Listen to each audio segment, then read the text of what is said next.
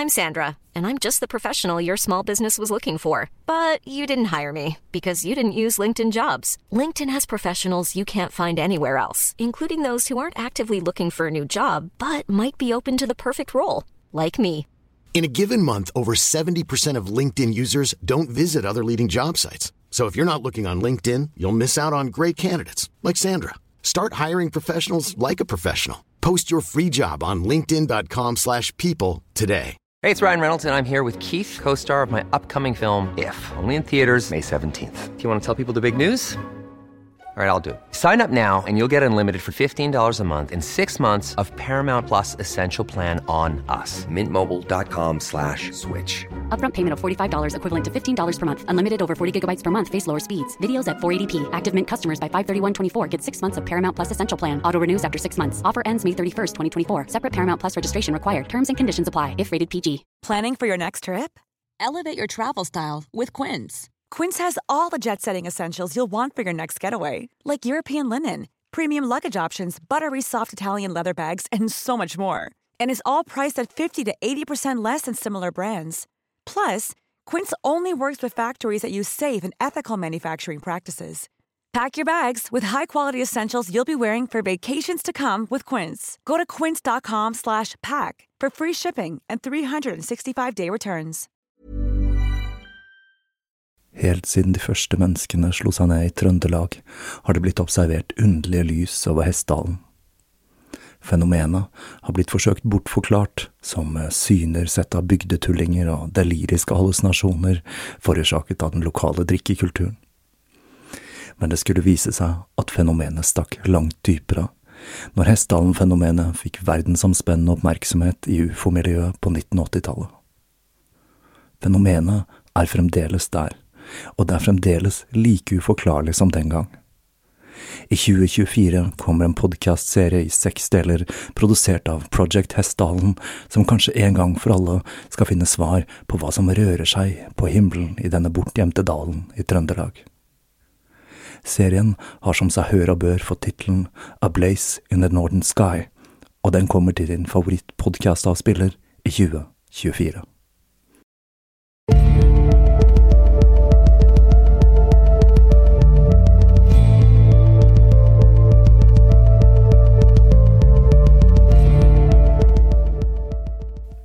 Hei og velkommen til Tåkeprat, podkasten uten rosa mikrofon og mer salg. Jeg heter Even, og når jeg tar opp denne episode 204, er det lørdag den 26. november 2022. Aller først tenkte jeg å komme med en liten tirade om sosiale medier og digital kommunikasjon. Jeg føler at jeg gjentar meg litt her, men noen ganger har jeg et behov for å gå etter mine egne avgjørelser og tanker i sømmene, for av og til så lurer jeg på om det er noe jeg går glipp av. Jeg er notorisk dårlig til å bruke sosiale medier, men jeg lurer litt på om den påstanden egentlig kan snus på hodet, og jeg kan si at jeg er ekstremt god til å bruke sosiale medier på en sunn måte. La meg forklare. I løpet av den digitale revolusjonen som førte til at internett ble allemannseie, var jeg hele tiden tidlig ute. Jeg startet ut på det glade åttitall med en Commandore VIC 20 med programmet på kassett, gikk videre til en Amiga 500, og så til en PC med dårlig nettverk og tidlige chattetjenester som IRC og ICQ, og så videre til tidlige sosiale medieplattformer som MySpace. Der jeg begynte å bli skeptisk, var når Facebook ble rasende populært på 2000-tallet en gang, og denne typen medier ble allemannseie. For meg handlet nemlig de tidlige digitale foraene mye om skitprat og smale interesser, og litt av den sjarmen forsvant når terskelen ble senket og de ble allemannseie. Men jeg krøp til korset til slutt, og opprettet en Facebook-konto. Men avsmaken kom fort når dette ble en arena der Gud og hvermannsen kunne utbasunere de mest banale meninger om emner de egentlig ikke har noen forutsetning for å mene noe om. Selv om jeg i dag er i besittelse av to Facebook-kontoer, en privat og en til tåkeprat, en tåkeprat Twitter-konto, en Instagram-konto, felles for begge, samt en TikTok-konto, så er jeg ikke akkurat kjempeaktiv. For meg er dette en arena der jeg i all hovedsak kommuniserer med dere som hører på tåkeprat, noe jeg setter stor pris på. Den jeg definitivt bruker mest, det er Instagram. Selv om Instagram er kjøpt opp av Meta, og nå har Mark Zuckerberg sitt maskineri i ryggen, så er det noe som virker litt mindre innpåslitent med foto framfor tekst eller videosnutter. Jeg er så sær jeg at jeg foretrekker tekst framfor en heseblesende YouTube-video om det er noe jeg lurer på. Det er mulig det er bare jeg som begynner å bli gammel, men sånn er det blitt. TikTok er en plattform jeg behandler litt som Necronomicon. Det er en app jeg åpner mens jeg ser på den med ett øye lukket, legger ut det jeg skal, og lukker den igjen. Etterpå sliter jeg med timevis med kvaler, og jeg tenker over om jeg utilsiktet har vært med på å styrke Kinas psyops-operasjoner i Vesten, for det er akkurat det den plattformen smaker av for meg. Twitter er også litt sin egen greie, og det er en plattform jeg bruker primært når det skjer ting i det store utland, siden mange journalister og lignende tvitrer direkte fra konflikter.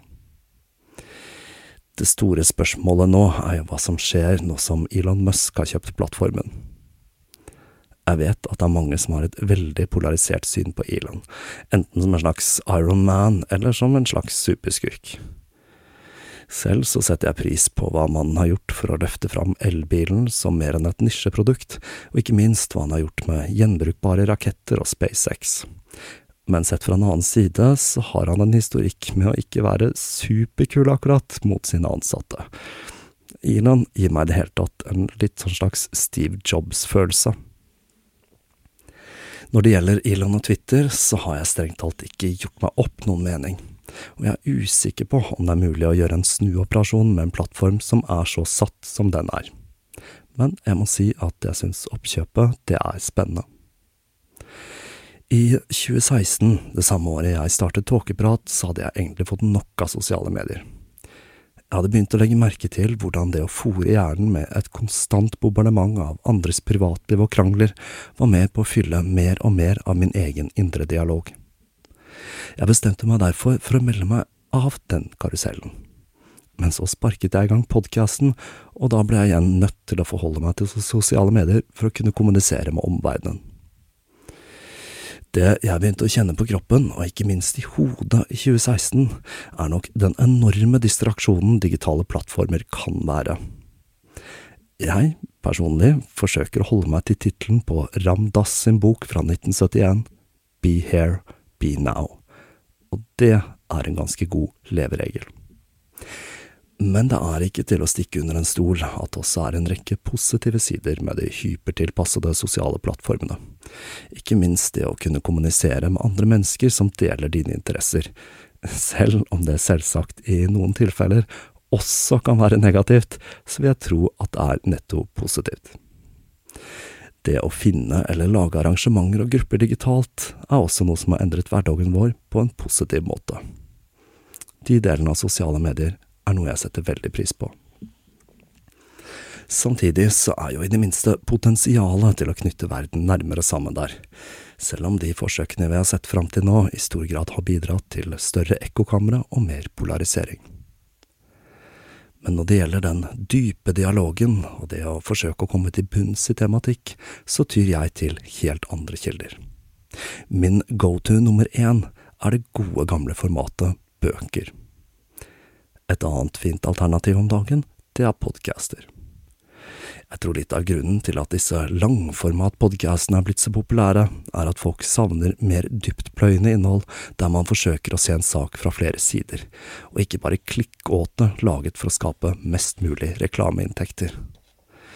Men det betyr jo absolutt ikke at jeg mener at alle podcaster følger denne dyptpløyende malen, eller at det er nødvendig. Jeg vil påstå at vi har sett at klikkåtemodellen er en som har sneket seg lenger og lenger inn i podcastenes verden. Nå også i Norge, uten at jeg skal nevne noen navn. Eh, et skrekkelig godt eksempel på en podkastepisode som aldri kunne ha blitt til under klikkåtemodellen, er den siste episoden av Lex Friedman episode 339, hvor vi over hele fire timer kan høre en diskusjon om hvordan vi best kan gripe an utfordringene med klimaendringene på en nøktern og reflektert måte. Det er den typen ting jeg liker. skikkelig fordypning som får en til å tenke, og som ikke oppfordrer til en refleksiv reaksjon den ene eller den andre veien. Når vi snakker om Lex Friedman, så må jeg også på det sterkeste anbefale episode 334 med Abbas Amanat, som er en historiker fra Yale som har spesialisert seg på iransk historie, og som forteller om bakteppet for det som ser ut som en slags gryende revolusjon i dette landet med den eldgamle historien i disse dager. Jeg synes personlig det har vært forsvinnende lite om det som foregår i Iran om dagen her på berget, for jeg tror og håper at dette kan være starten på noe stort. Det er på tide med en ny giv for Iran. Har jeg behov for å se noen hisse seg veldig opp over temaet de ikke vet noe om, så går jeg ikke på Facebook, da går jeg bare rett til kommentarfeltet på VG Nett. Der finnes all xenofobi og uvitenhet man bare kan ønske seg. Det er noen tema hvor jeg føler at jeg kunne kommet med noen innspill som kunne ha vært av verdi men hylekoret i den digitale flodbølgen gir meg avsmak fra å egentlig mene noe som helst offentlig. Et godt eksempel her er den mye omtalte rusreformen, og jeg mener at jeg har et ganske godt historisk og vitenskapelig belegg for å mene at dagens ruspolitikk er menneskefiendtlig og sosialt destruktiv, og jeg har vært fristet til å kaste inn en hanske i den debatten der, men jeg har så liten tiltro til at de som faktisk har noen råderett over lovverket, at jeg nærmest har gitt opp. For å sitere Terence McKenna, verdens mest siterbare mann, We are governed by the least among us. Summa summarum så er vel det jeg sier at sosiale medier har gjort meg mer apatisk, mens podcaster og dyptpløyende diskusjoner ansikt til ansikt er noe jeg verdsetter mer og mer. Kanskje vi snart vokser ut av denne digitale barndommen, for jeg tror det er det det dreier seg om og at vi kommer fram til nye og bedre måter å kommunisere på, som kan være med på å løfte oss opp og fram som art, fremfor å rendyrke materiell forbruk og berike det rikeste av oss enda mer. Selv om jeg må si jeg mister litt håpet når jeg ser hvordan såkalte influensere blir løftet opp og fram som det ypperste kulturen vår har å by på. Men det er jo lov å håpe. Men nå var det nok med tirade fra meg. Nå er tiden inne for den siste delen i fortellingen om livet til gladgutten Ed Gean, og dette blir en ganske grufull episode, slik at dere er klar over det. Jeg vet det er en del der ute som bruker denne podkasten til å sovne til, og at noen av de verre episodene har en tendens til å fremkalle mareritt, og jeg vil tippe på at dette er en av de episodene. Nå er du advart, og da tror jeg vi bare begir oss i kast med den siste delen historien om N. Gean.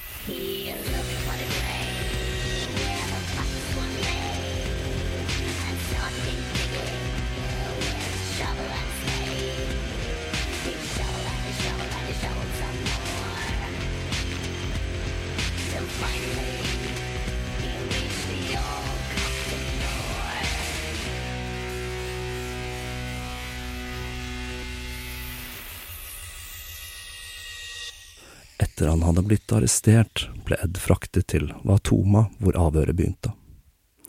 Han ble avhørt i tolv timer sammenhengende uten å ha en advokat til stede, men Ed, han tilsto ingenting. Morgenen etter visste alle i Plainfield at noe var skjedd, og arrestasjonen var naturlig nok den store snakkisen i kirken den søndagen. De visste at Miss Warden hadde blitt bortført fra butikken sin på lørdagen, og at liket hennes hadde blitt funnet på Gean-gården selv om det var mange som nektet å tro på den delen av historien. Drapet var selvsagt svært rystende, men det var ting som tydet på at det var enda mer alvorlige ting på ferde. Det fosset inn med politi, spesialetterforskere og ikke minst journalister fra hele landet, og det begynte å florere med historier om hvilke unevnelige perversiteter som hadde foregått i huset til Ed Gean. Det var Miss Wardens sønn, Frank Warden, som jo jobbet for den lokale sheriffen, som var den første som snakket til pressen.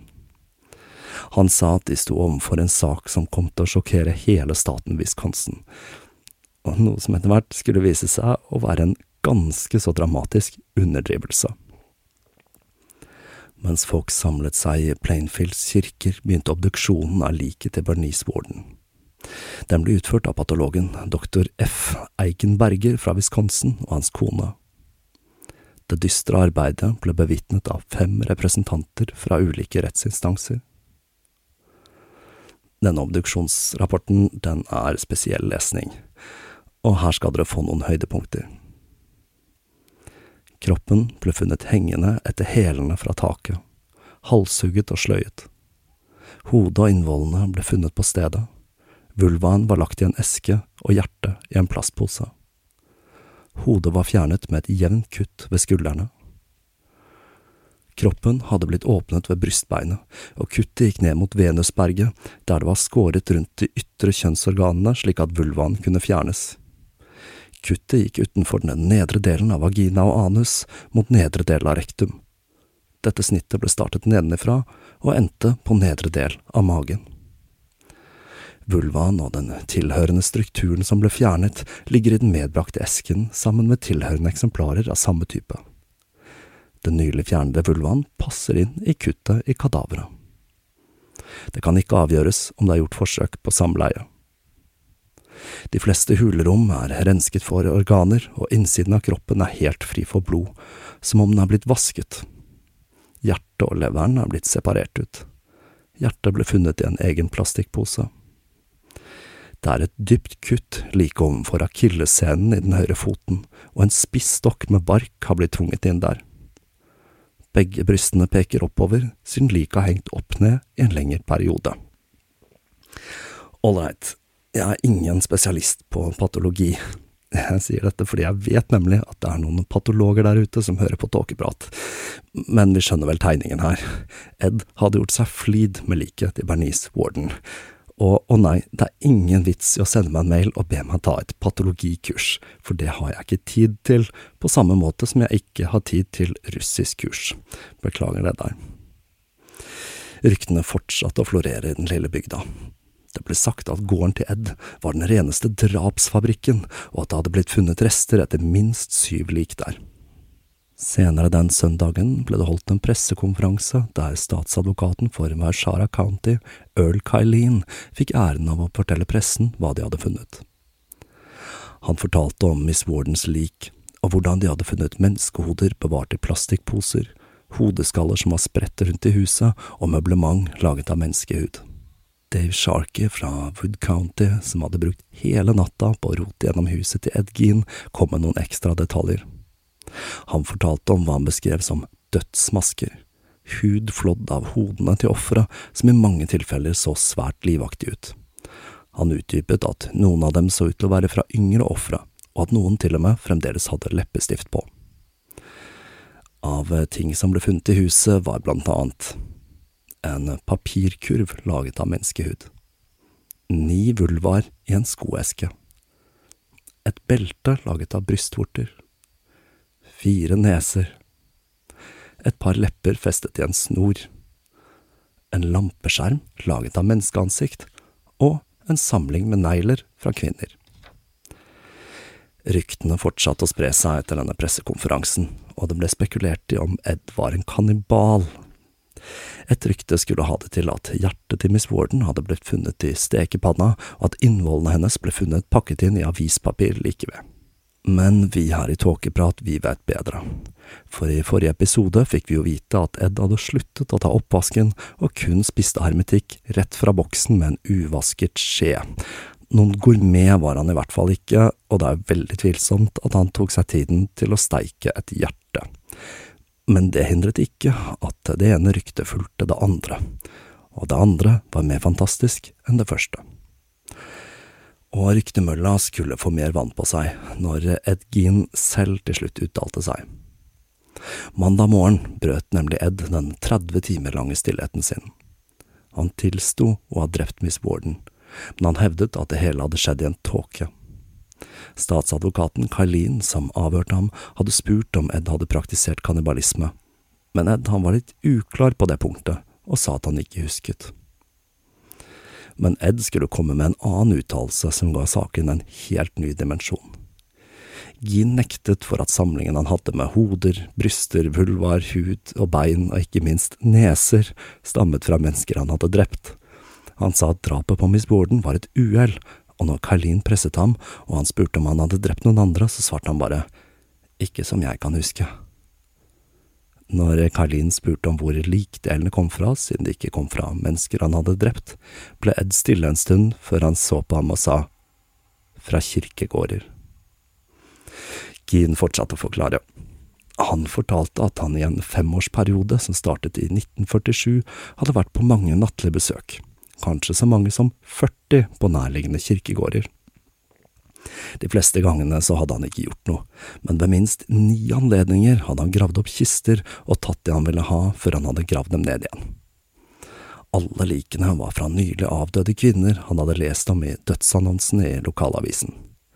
Ed hadde til og med kjent et par av dem mens de var i live. Han sa også at denne virksomheten var noe han hadde utført i en slags tåke. Og når han mumlet for seg selv om nettene, sa han at dette var tåkeprat. Nei da. Uh, like etter Kailin hadde delt dette med pressen klokken 11.00, ble Ed kjørt ut til gården for å vise etterforskerne rundt. Gin skydde ikke unna pressen når han gikk rundt på gården. Tvert imot. Han kikket nysgjerrig på kameraene og smilte sitt vanlige, skjeve smil. For millioner av lesere som leste avisen den kvelden, var det nesten umulig å forestille seg at denne tilsynelatende forsiktige mannen sto for noen av de mest bestialske handlingene i mannens minne. Selve tiltalen mot Ed ble utsatt noen dager, da det var enorme mengder med bevis å gå igjennom, og Ed på sin side sa at han ville ha en advokat før han fortalte noe mer i avhør. På mandag kveld dukket Vern Weber fra La Crosse opp. Han håpet å finne en sammenheng mellom forsvinningen til Evelyn Hartley og Ed Gein, for det gikk et rykte om at en av vulvaene i samlingen til Ed så ut til å stamme fra ei ung jente, og det ble også sagt at Ed hadde et avisutklipp fra Hartley-saken. Etter å ha sett gjennom samlingen til Ed, fortalte Weber journalistene at det var minst ti kvinnehoder i samlingen, noen med øyne og noen uten. Noen av hodene hadde hodeskaller, mens andre besto kun av ansiktshuden. Weber var forbløffet over hvor god stand hodene var i, og han hadde spurt Ed om nettopp dette. Ed hadde da fortalt ham at han hadde brukt saltlake for å bevare dem. Det var kanskje et triks han hadde plukket opp fra pulp-litteraturen, det der. Weber fortalte også om møblementet han hadde sett, og om en kniv med et skaft laget av menneskehud. Han sa at han trodde på Gin når han fortalte at han hadde vært i en slags tåke når han hadde vært på jakt etter likdeler. Ed hadde nemlig fortalt han at han hadde bedt til Gud hver gang han hadde gått for å lete etter disse, og at bønnene hans noen ganger hadde blitt hørt slik at han hadde våknet fra transen. Samtidig så hadde han sagt at interessen hans for lik hadde vært rent vitenskapelig, og at han hadde gravd opp likene fordi han ville bli lege. Han sa også at han aldri hadde forsøkt å spise likene. Weber helte mot å tro på Ed når han sa at han ikke hadde noe med Hartley-saken å gjøre. Selv om et av hodene som ble funnet, pakket i cellofan, var fra en ung kvinne, så lignet det ikke på Evelyn. Dessuten var skoavtrykkene som var funnet på stedet av en annen størrelse enn hva Ed brukte.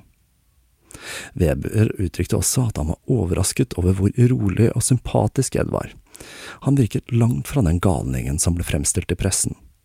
Og dette inntrykket er et som skulle bli gjentatt av alle som hadde noe med Ed Gein å gjøre i årenes løp. Fra dommere, advokater, sykepleiere og psykologer. Ed Gein var rett og slett en ganske ålreit type. Men selv om det så mer og mer usannsynlig ut at det var Ed som sto bak drapet på Evelyn Hartley, så visste etterforskerne at han hadde et drap på samvittigheten han ikke hadde tilstått. Et av sporene etter drapet på Mary Hogan var en tomhylse i kaliber 32, og et av våpnene til Ed var nettopp en pistol i kaliber 32. Dessuten, etterforskerne hadde funnet et ganske sikkert spor etter Mary, nemlig det flådde ansiktet hennes. Det hadde de funnet i en papirpose på gården til Ed. Tirsdagen slapp pressen inn i huset til Ed Ginn. Selv om journalistene hadde mast for å få muligheten til å kikke rundt der inne, virket ikke like ivrig når de først fikk lov til å utforske rottereiret til Ed Gein. Dette var alle ungkarsleiligheters mor, eller far burde jeg kanskje si, og bildene journalistene tok, gikk sin seiersgang i amerikanske aviser. Og om du som hører på sitter i en sånn leilighet, så kan du i det minste trøste deg med at du ikke har flådde menneskeansikter på veggene eller papirkurv i menneskehud. Men om du mot formodning skulle ha det, så bør du sikkert kontakte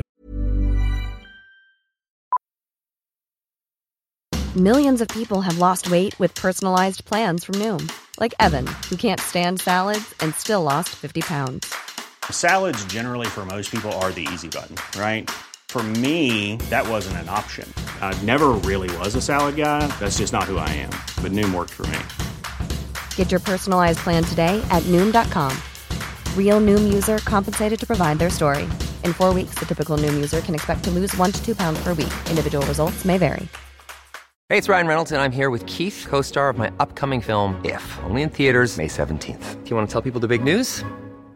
All right, I'll do it. Sign up now and you'll get unlimited for $15 a month in six months of Paramount Plus Essential Plan on us. Mintmobile.com slash switch. Upfront payment of $45 equivalent to $15 per month. Unlimited over 40 gigabytes per month. Face lower speeds. Videos at 480p. Active Mint customers by 531.24 get six months of Paramount Plus Essential Plan. Auto renews after six months. Offer ends May 31st, 2024. Separate Paramount Plus registration required. Terms and conditions apply if rated PG.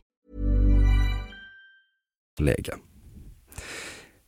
Når man endelig begynte å få litt oversikt over alle menneskedelene i huset, gikk det opp for etterforskerne at det var noe som ikke stemte. Det var nemlig flere neser enn ansikter. Etter de hadde talt opp alle hodene og dødsmaskene, satt de nemlig igjen med fire ekstra neser.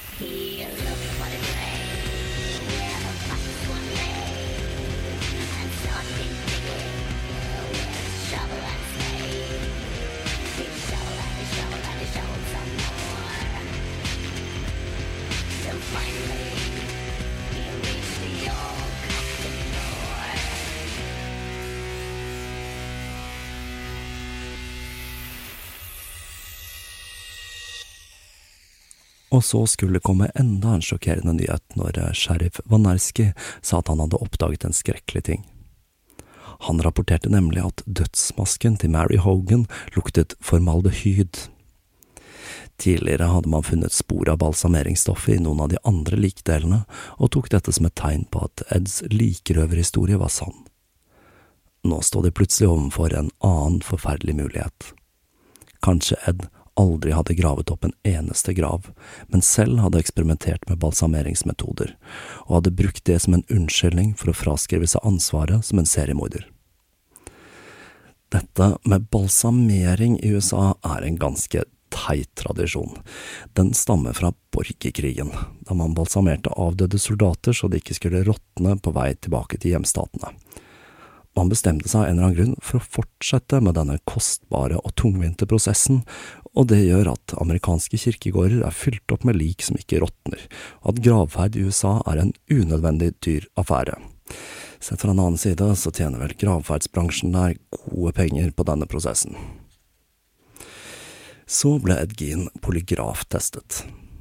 Avhørene ble gjennomført i løpet av tirsdagen og onsdagen, og utgjorde til sammen ni timer administrert av polygrafeksperten Joe Wilimowski. Joe sa at Ed var veldig samarbeidsvillig og imøtekommende, og at han svarte villig på alt han lurte på. Bortsett fra én ting. Han var nemlig veldig tilbakeholden når det gjaldt drap. Han hadde til slutt tilstått å ha drept Mary Hogan, men det skulle jo da nesten bare mangle etter de hadde funnet ansiktet hennes i en papirpose, og han fortsatte å hevde at drapet på Bernice Warden hadde vært et uhell, noe han skulle fortsette å hevde resten av livet. Det at han var så vag når det gjaldt drapene, gjorde at det var mange som spekulerte i om vennligheten og den tilsynelatende medgjørligheten til Ed var et spill, og at det bak det troskyldige ytre skjulte seg en kriminell mesterhjerne. Det var nemlig drap som var den store forbrytelsen rettsmessig sett. Grav og likskjending var peanuts i forhold. Joe spurte om hvilke kroppsdeler han pleide å fjerne. Hodet, svarte Ed og smilte. Hva med vaginaene, spurte Joe. Jo da, de også, men ikke alltid, svarte Ed litt keitete. Han forklarte også hvordan han laget dødsmaskene ved å skrelle huden av skallen og kvitte seg med resten, før han behandlet maskene med olje. Så skulle det dukke opp enda en sjokkerende ting, for på en innskytelse så spurte Joe om han noen gang hadde forsøkt å ta på seg maskene. Ed nølte ikke når han svarte. Det gjorde jeg, sa han. Hvordan festet du dem? spurte Joe. Med en snor, svarte Ed. Han forklarte videre at maskene ikke var det eneste han hadde ikledd seg. Han fortalte hvordan han tok på seg vesten han hadde laget av en overkropp med brystene intakte, strømpene han hadde laget av hud flådd fra bein, og ikke minst hvordan han dekket til penisen sin med en tørket vulva. Han pleide å salte dem for å ta vare på dem, forklarte han, men en av dem hadde begynt å mugne allikevel. Det var den han malte med sølvmaling jeg snakket om tidligere. Han pleide å gå rundt i huset i denne hjemmesnekrede drakten, og på noen varme månelyse netter brukte han den også utendørs, og det er jo virkelig drømmefiguren å møte når man er ute på en måneskinnstur. Som nærmest en sidenote fortalte han at han også hadde skjært toppen av hodeskaller for å bruke dem som drikkeskåler, noe han hadde lest at vikingene hadde gjort. Etter avhøret ble han hentet av sheriff Schley og betjent Murty og kjørt til Watoma. Selv om han så litt sliten ut, beskrev reporterne han som avslappet og munter. Mens politiet ventet på resultatene av ballistikkprøver av riflen de mente Ed hadde drept Bernice med, fikk han besøk av advokaten sin, William Belter. Belter overtalte Ed til å gå for at han ikke var strafferettslig tilregnelig, noe Ed syntes hørtes ut som en god idé. Ed var i rettssalen den fredagen foran dommer Herbert A. Bund i en høring der Betler la fram sin påstand om at Ed ikke var tilregnelig. Ryktene om at Geen kunne slippe unna straff hadde begynt å sirkulere i Plainfield, og på grunn av det hadde politiet troppet opp mannsterke i frykt for opptøyer. Men de hadde ikke trengt å bekymre seg. Tilskuerne satt rolig og fulgte med, mens det ble avgjort at Ed skulle utredes ved Central State Hospital i en 30 dagers periode før rettssaken. Her er det litt vanskelig å ikke trekke paralleller til 22. juli-rettssaken her til lands, hvordan spørsmålet om tilregnelighet ble behandlet der, uten at jeg skal mene så mye mer om det her og nå. Statsadvokaten Kailin mente at eh, dette nok ikke var det dummeste de kunne gjøre, siden Ed hadde hatt et halshugget lik hengende opp etter hælene med alle innvollene fjernet, og Belter støttet dette med en uttalelse om at det at Ed hadde tatt likdeler fra graver, ikke vitnet om et helt friskt sinn. Men akkurat det, om Ed faktisk hadde rotet rundt på lokale kirkegårder, var det en del som lurte på. Ikke minst sheriff Vanerski, som var skeptisk til historien til Ed, og han var ikke den eneste. Flere innbyggere i Plainsville mente nemlig at Ed var for veik til å grave opp en grav på egen hånd, for så å åpne kisten og ta de delene han ville, for så å grave graven igjen. Guile Ellis, eieren av den lokale landhandleren, sa rett og slett at han ikke trodde Ed var ambisiøs nok. Smak litt på den. Men ambisjoner eller ikke, altså. Jeg har selv jobbet med gravferd i noen år, og jeg må si meg enig både med sheriffen og kjøpmannen at det å grave opp en grav for hånd, det er ikke bare bare. Vel, for å finne ut om Ed hadde skrutt på seg denne gravrøverhistorien, bestemte statsadvokaten seg for at de skulle åpne et par graver for å se om det var noe hold i historien. Han holdt en pressekonferanse der han delte at Ed hadde kommet med en liste med enten åtte eller ni graver han hadde skjendet. Kailin hadde kontaktet de pårørende og fått de nødvendige tillatelsene, men han ville ikke fortelle pressen om hvilke graver det dreide seg om. Graven til moren Augusta, som jo måtte være den hellige gralen for Gin, hadde blitt fylt med betong, og hvorvidt Ed hadde forsøkt å åpne denne, ville ikke statsadvokaten svare pressen på. Her har vi enda en rar gravferdstradisjon fra USA. I tillegg til å balsamere liket, er det mange som velger å legge kisten i et betongkammer. Dette er visstnok for å forhindre at graven skal synke sammen. Det er sikkert kjekt det, for han som skal klippe gress der. Men det er jo enda en ting som gjør at liket blir bevart i bakken for evigheten, og at gravplassen ikke kan brukes på ny. Ed ble holdt igjen en ekstra dag før han ble overført til mentalsykehuset for han hadde fortalt sheriff Schley at han ville vise ham et par ting til der. Når de kom til gården, viste Ed politiet en askehaug i et hjørne av eiendommen. Han forklarte at dette var restene av Mary Hogan som han hadde brent i ovnen sin etter å ha partert henne. Etter denne lille snarvisitten ble han kjørt til Central State Hospital for the Criminally Insane, hvor han ankom klokka 14.00. Dette var en høysikkerhetsinstitusjon for mannlige innsatte som ble ansett for å være farlige og uhelbredelig sinnssyke. De fleste innsatte hadde det ganske fritt og kunne sosialisere seg, spille spill og drive med sport på dagtid, men om natten var alle trygt innelåst på rommene sine. Ed Gein skulle gjennomgå det de hadde av psykologiske tester ved institusjonen. Om han ble funnet tilregnelig, ville han tiltales for drap, og om han ble funnet utilregnelig, ville han tilbringe resten av livet sitt innenfor murene til institusjonen. Kailin hadde sagt at de gravene skulle graves opp på tirsdag, men Ed Marola, redaktøren i lokalavisen The Plainfield Sun, bestemte seg for å dra dit på mandag, da han hadde hørt noen rykter om at de kanskje skulle begynne å grave litt tidligere i et forsøk på å unngå pressen. Han skjønte at han hadde rett når han kom til kirkegården, hvor han ble stoppet av politiet. Når Marola spurte om hva som foregikk, nektet politiet å svare, men mens han sto der, så kom det en lastebil fullt av et arbeidsfølge med spader, og da var det veldig tydelig at utgravningene, de var i gang. Det tok ikke så lang tid før ryktet spredte seg, og det gikk ikke mer enn en time før det svermet av presse rundt kirkegården. En av reporterne forsøkte seg på å klatre over kirkegårdsmuren med en høy stige, men han oppdaget raskt at de hadde, de hadde våget seg ut en grav som lå langt vekk fra muren, så han ikke fikk innsyn derfra. Men reporterne de lot seg ikke stoppe. En annen leide seg rett og slett et småfly, men han ble også skuffet når han sirklet rundt kirkegården, for politiet hadde alt tenkt på den muligheten, og de hadde dekket til graven med en tarp. Og der har vi et ord som av en eller annen grunn har dukket opp mye i hverdagen min i det siste. Tarp, altså.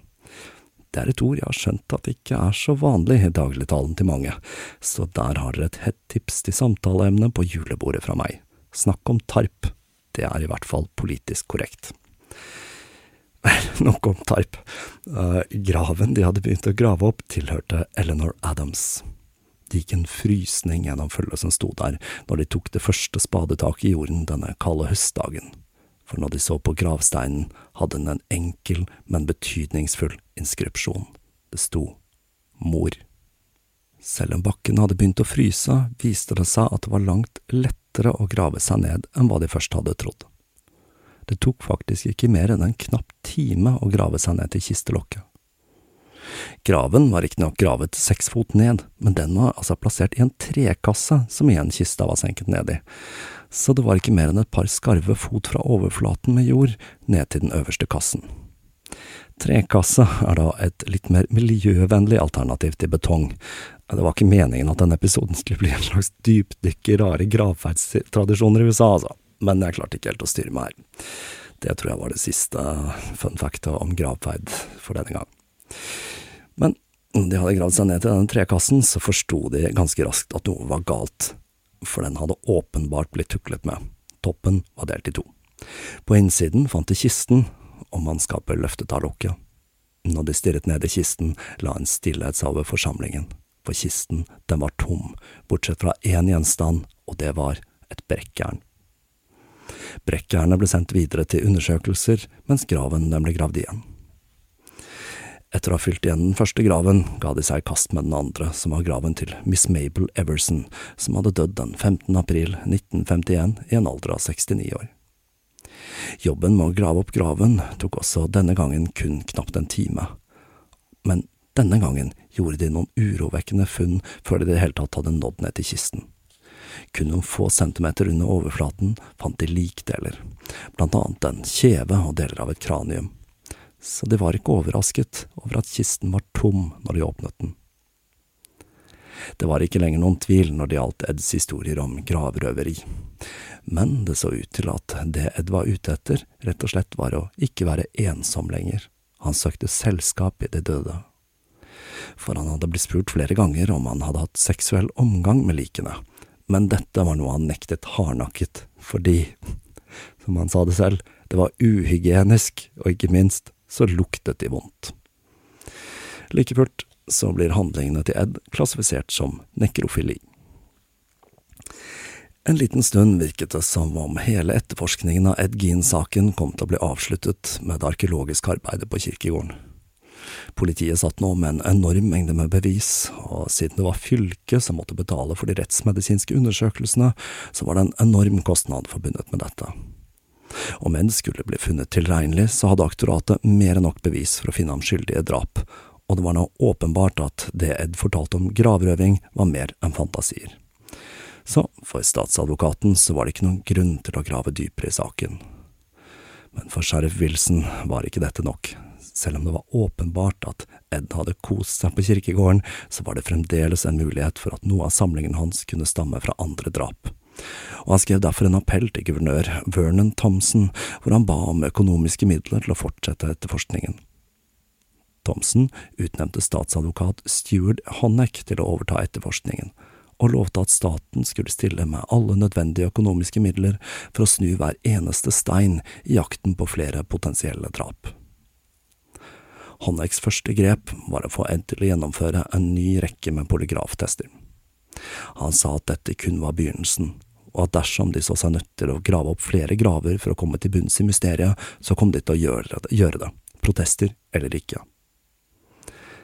Den nye serien med polygraftester førte til lite ny informasjon. De fant ut at Ed hadde vært på en annen kirkegård i Hancock, sør for Plainfield, og de punkterte også rykter om at Ed hadde hatt en medhjelper, en mystisk figur som ifølge ryktene het Gus. Videre undersøkelser på tomta til Ed skulle føre til flere likfunn. Ed hadde en grøft der han pleide å dumpe søppel, og når denne ble gravd opp og undersøkt, fant man et nesten komplett menneskeskjelett. Hodeskallen til dette var ganske kraftig og hadde en gulltann, så det ble spekulert i om dette skjelettet kunne tilhøre en av de to jegerne som hadde forsvunnet sporløst i 1952 men etter rettsmedisinerne hadde studert skallen, kom de fram til at den tilhørte en kvinne mellom 30 og 50 år, og at den mest sannsynlig stammet fra Eds nattlige besøk på kirkegårder. Mellom den 25. november og den 18. desember hadde Ed gått igjennom en hel haug med psykologiske og fysiske tester. Når det gjaldt den fysiske delen, så var dette det mest nøye Ed hadde blitt undersøkt noensinne. Det skulle vise seg at til tross for at han levde hva vi vel må kunne kalle et liv i armod, så var han etter forholdene i god fysisk form, selv om han hadde litt dårlig holdning. Legen stusset litt over at Ed hele tiden klaget over hodepine og kvalme, og sa at han hørtes ut som en sytete, gammel tante. Det er en skikkelig god uttalelse fra en lege på femtitallet, det der. Jeg tipper at han også anbefalte sigaretter for å bli mer vanlig. Denne kvalmen og hodepinen var jo åpenbart eh, psykosomatisk. Det samme gjaldt den merkelige lukten Ed klaget på at han, han merket hele tiden. Han sa at lukten minnet han om lukten av kjøtt.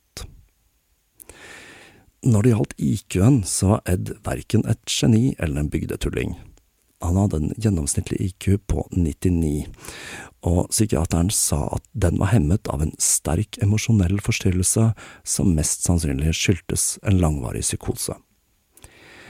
Ed ble også rapportert å identifisere seg selv som feminin. Han hadde underlige religiøse overbevisninger og en umoden seksualitet som var preget av skyldfølelse. Den 19. desember samlet staben ved klinikken alle rapportene sine og sendte disse til dommer Herbert A. Bundle med et brev som oppsummerte funnene. Der kunne han lese at Ed Gean hadde lidd av schizofreni i en årrekke. Som et resultat av at lidelsen hadde forblitt ubehandlet, ville han ha store problemer med å skille mellom rett og galt, selv om han tilsynelatende visste forskjell. Han hadde ikke vært i stand til å forstå konsekvensene av egne handlinger fordi han hadde store problemer med å skille mellom fantasi og virkelighet. Konklusjonen var at han burde bli innlagt, og burde bli erklært ikke strafferettslig tilregnelig. Nyheten spredte seg som ild i tørt gress i Plainfield, og den førte til protester fra de som var overbevist om at Ed Gean egentlig var en skikkelig luring som hadde lurt alle spesialistene ved institusjonen. Den 6. januar ble det holdt en høring om tilregnelighetsspørsmålet og mot slutten av dagen kom dommeren med den endelige kjennelsen i saken. Han sa, I en sak av denne typen må jeg stole på ekspertene. Jeg har ingen illusjoner om at avgjørelsen til retten kommer til å bli kritisert, uansett hva den kommer fram til. Denne avgjørelsen er den vanskeligste jeg noensinne har blitt stilt overfor, Men jeg ser ikke hvordan jeg kan komme til noen annen slutning enn å erklære den tiltalte som ikke tilregnelig, og fant sin lagt på Central State i ubestemt tid. Med det avsluttes høringen, og retten er hevet. Ed Geens tilknytning til det ordinære samfunnet var så anstrengt at det så ut til at han ikke brydde seg om å bli sperret inne. Han virket faktisk lettet og glad for å legge livet sitt i hendene til institusjonen. Kvelden den 6. januar var den siste Ed Gein skulle bli sett utenfor murene til mentalsykehuset på mange, mange år.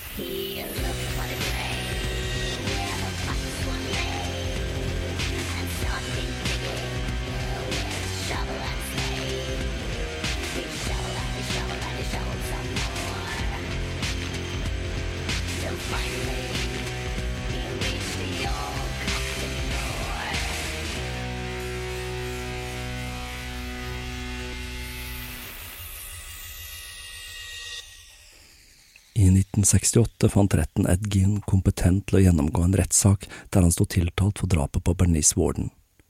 Men etter en ukes rettssak ble han funnet ikke skyldig fordi han var strafferettslig utilregnelig på grunn av schizofreni. Ed Gein levde en fredelig tilværelse på institusjonen. De som hadde med ham å gjøre, beskrev han som en stille og høflig person, og sa at det var vanskelig å forestille seg at han sto bak noen av de mest groteske kriminelle handlingene som var blitt utført på amerikansk jord. Ed forsøkte flere ganger å bli prøveløslatt, men til tross for at han var en høflig og grei fyr, så la psykiaterne merke til at det var noe som ikke helt stemte med Ed Gein. Det var et mørke i ham, selv om det var vanskelig å se, og de følte seg ikke sikre på om Ed ville takle en tilværelse utenfor rutinene han var blitt vant til ved institusjonen. Det førte til at Ed tilbrakte resten av livet sitt der, og han døde til slutt på institusjonen av lungekreft den 26. juli 1984 i en alder av 77 år. Huset til Ed Gein brente ned i mars 1958. Innbyggerne Plainfield var redd for at stedet skulle bli en turistattraksjon, og brannen var mye sannsynlig påsatt. Men politiet Plainfield, og ikke minst Frank Warden, som i den perioden jobbet for brannvesenet, lot saken ligge, og de etterforsket den ikke som en brannstiftelse. Ed Gein for sin del kommenterte brannen med at det er like greit. Ed Gein ble passende nok begravet ved siden av sin mor, og gravsteinen som besøkende hadde for vane å hugge biter av, ble til slutt stjålet i år 2000, og graven er i dag umerket. Men det er nok ikke så vanskelig å finne den dersom du skulle befinne deg i Plainfield. Og med det setter vi punktum for historien om Ed Gein. Og nå begynner arbeidet med noe jeg har lovet dere lyttere i flere år.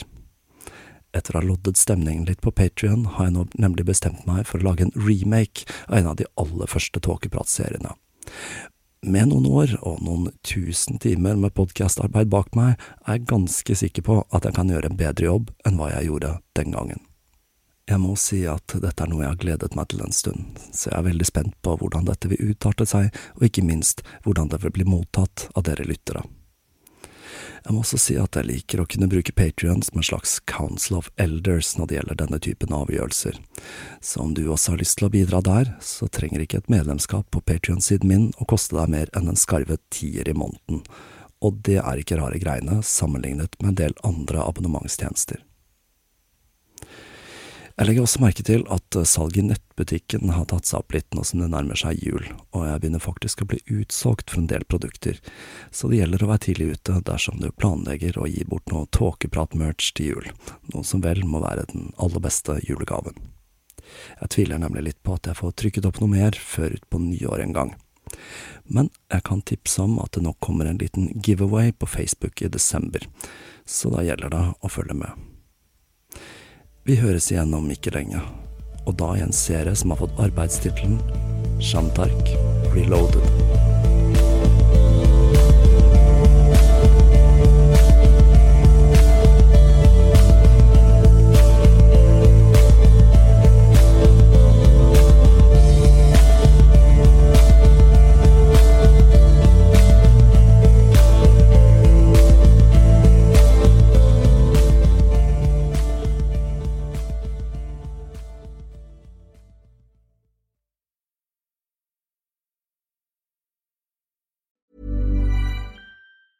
Planning for your next trip?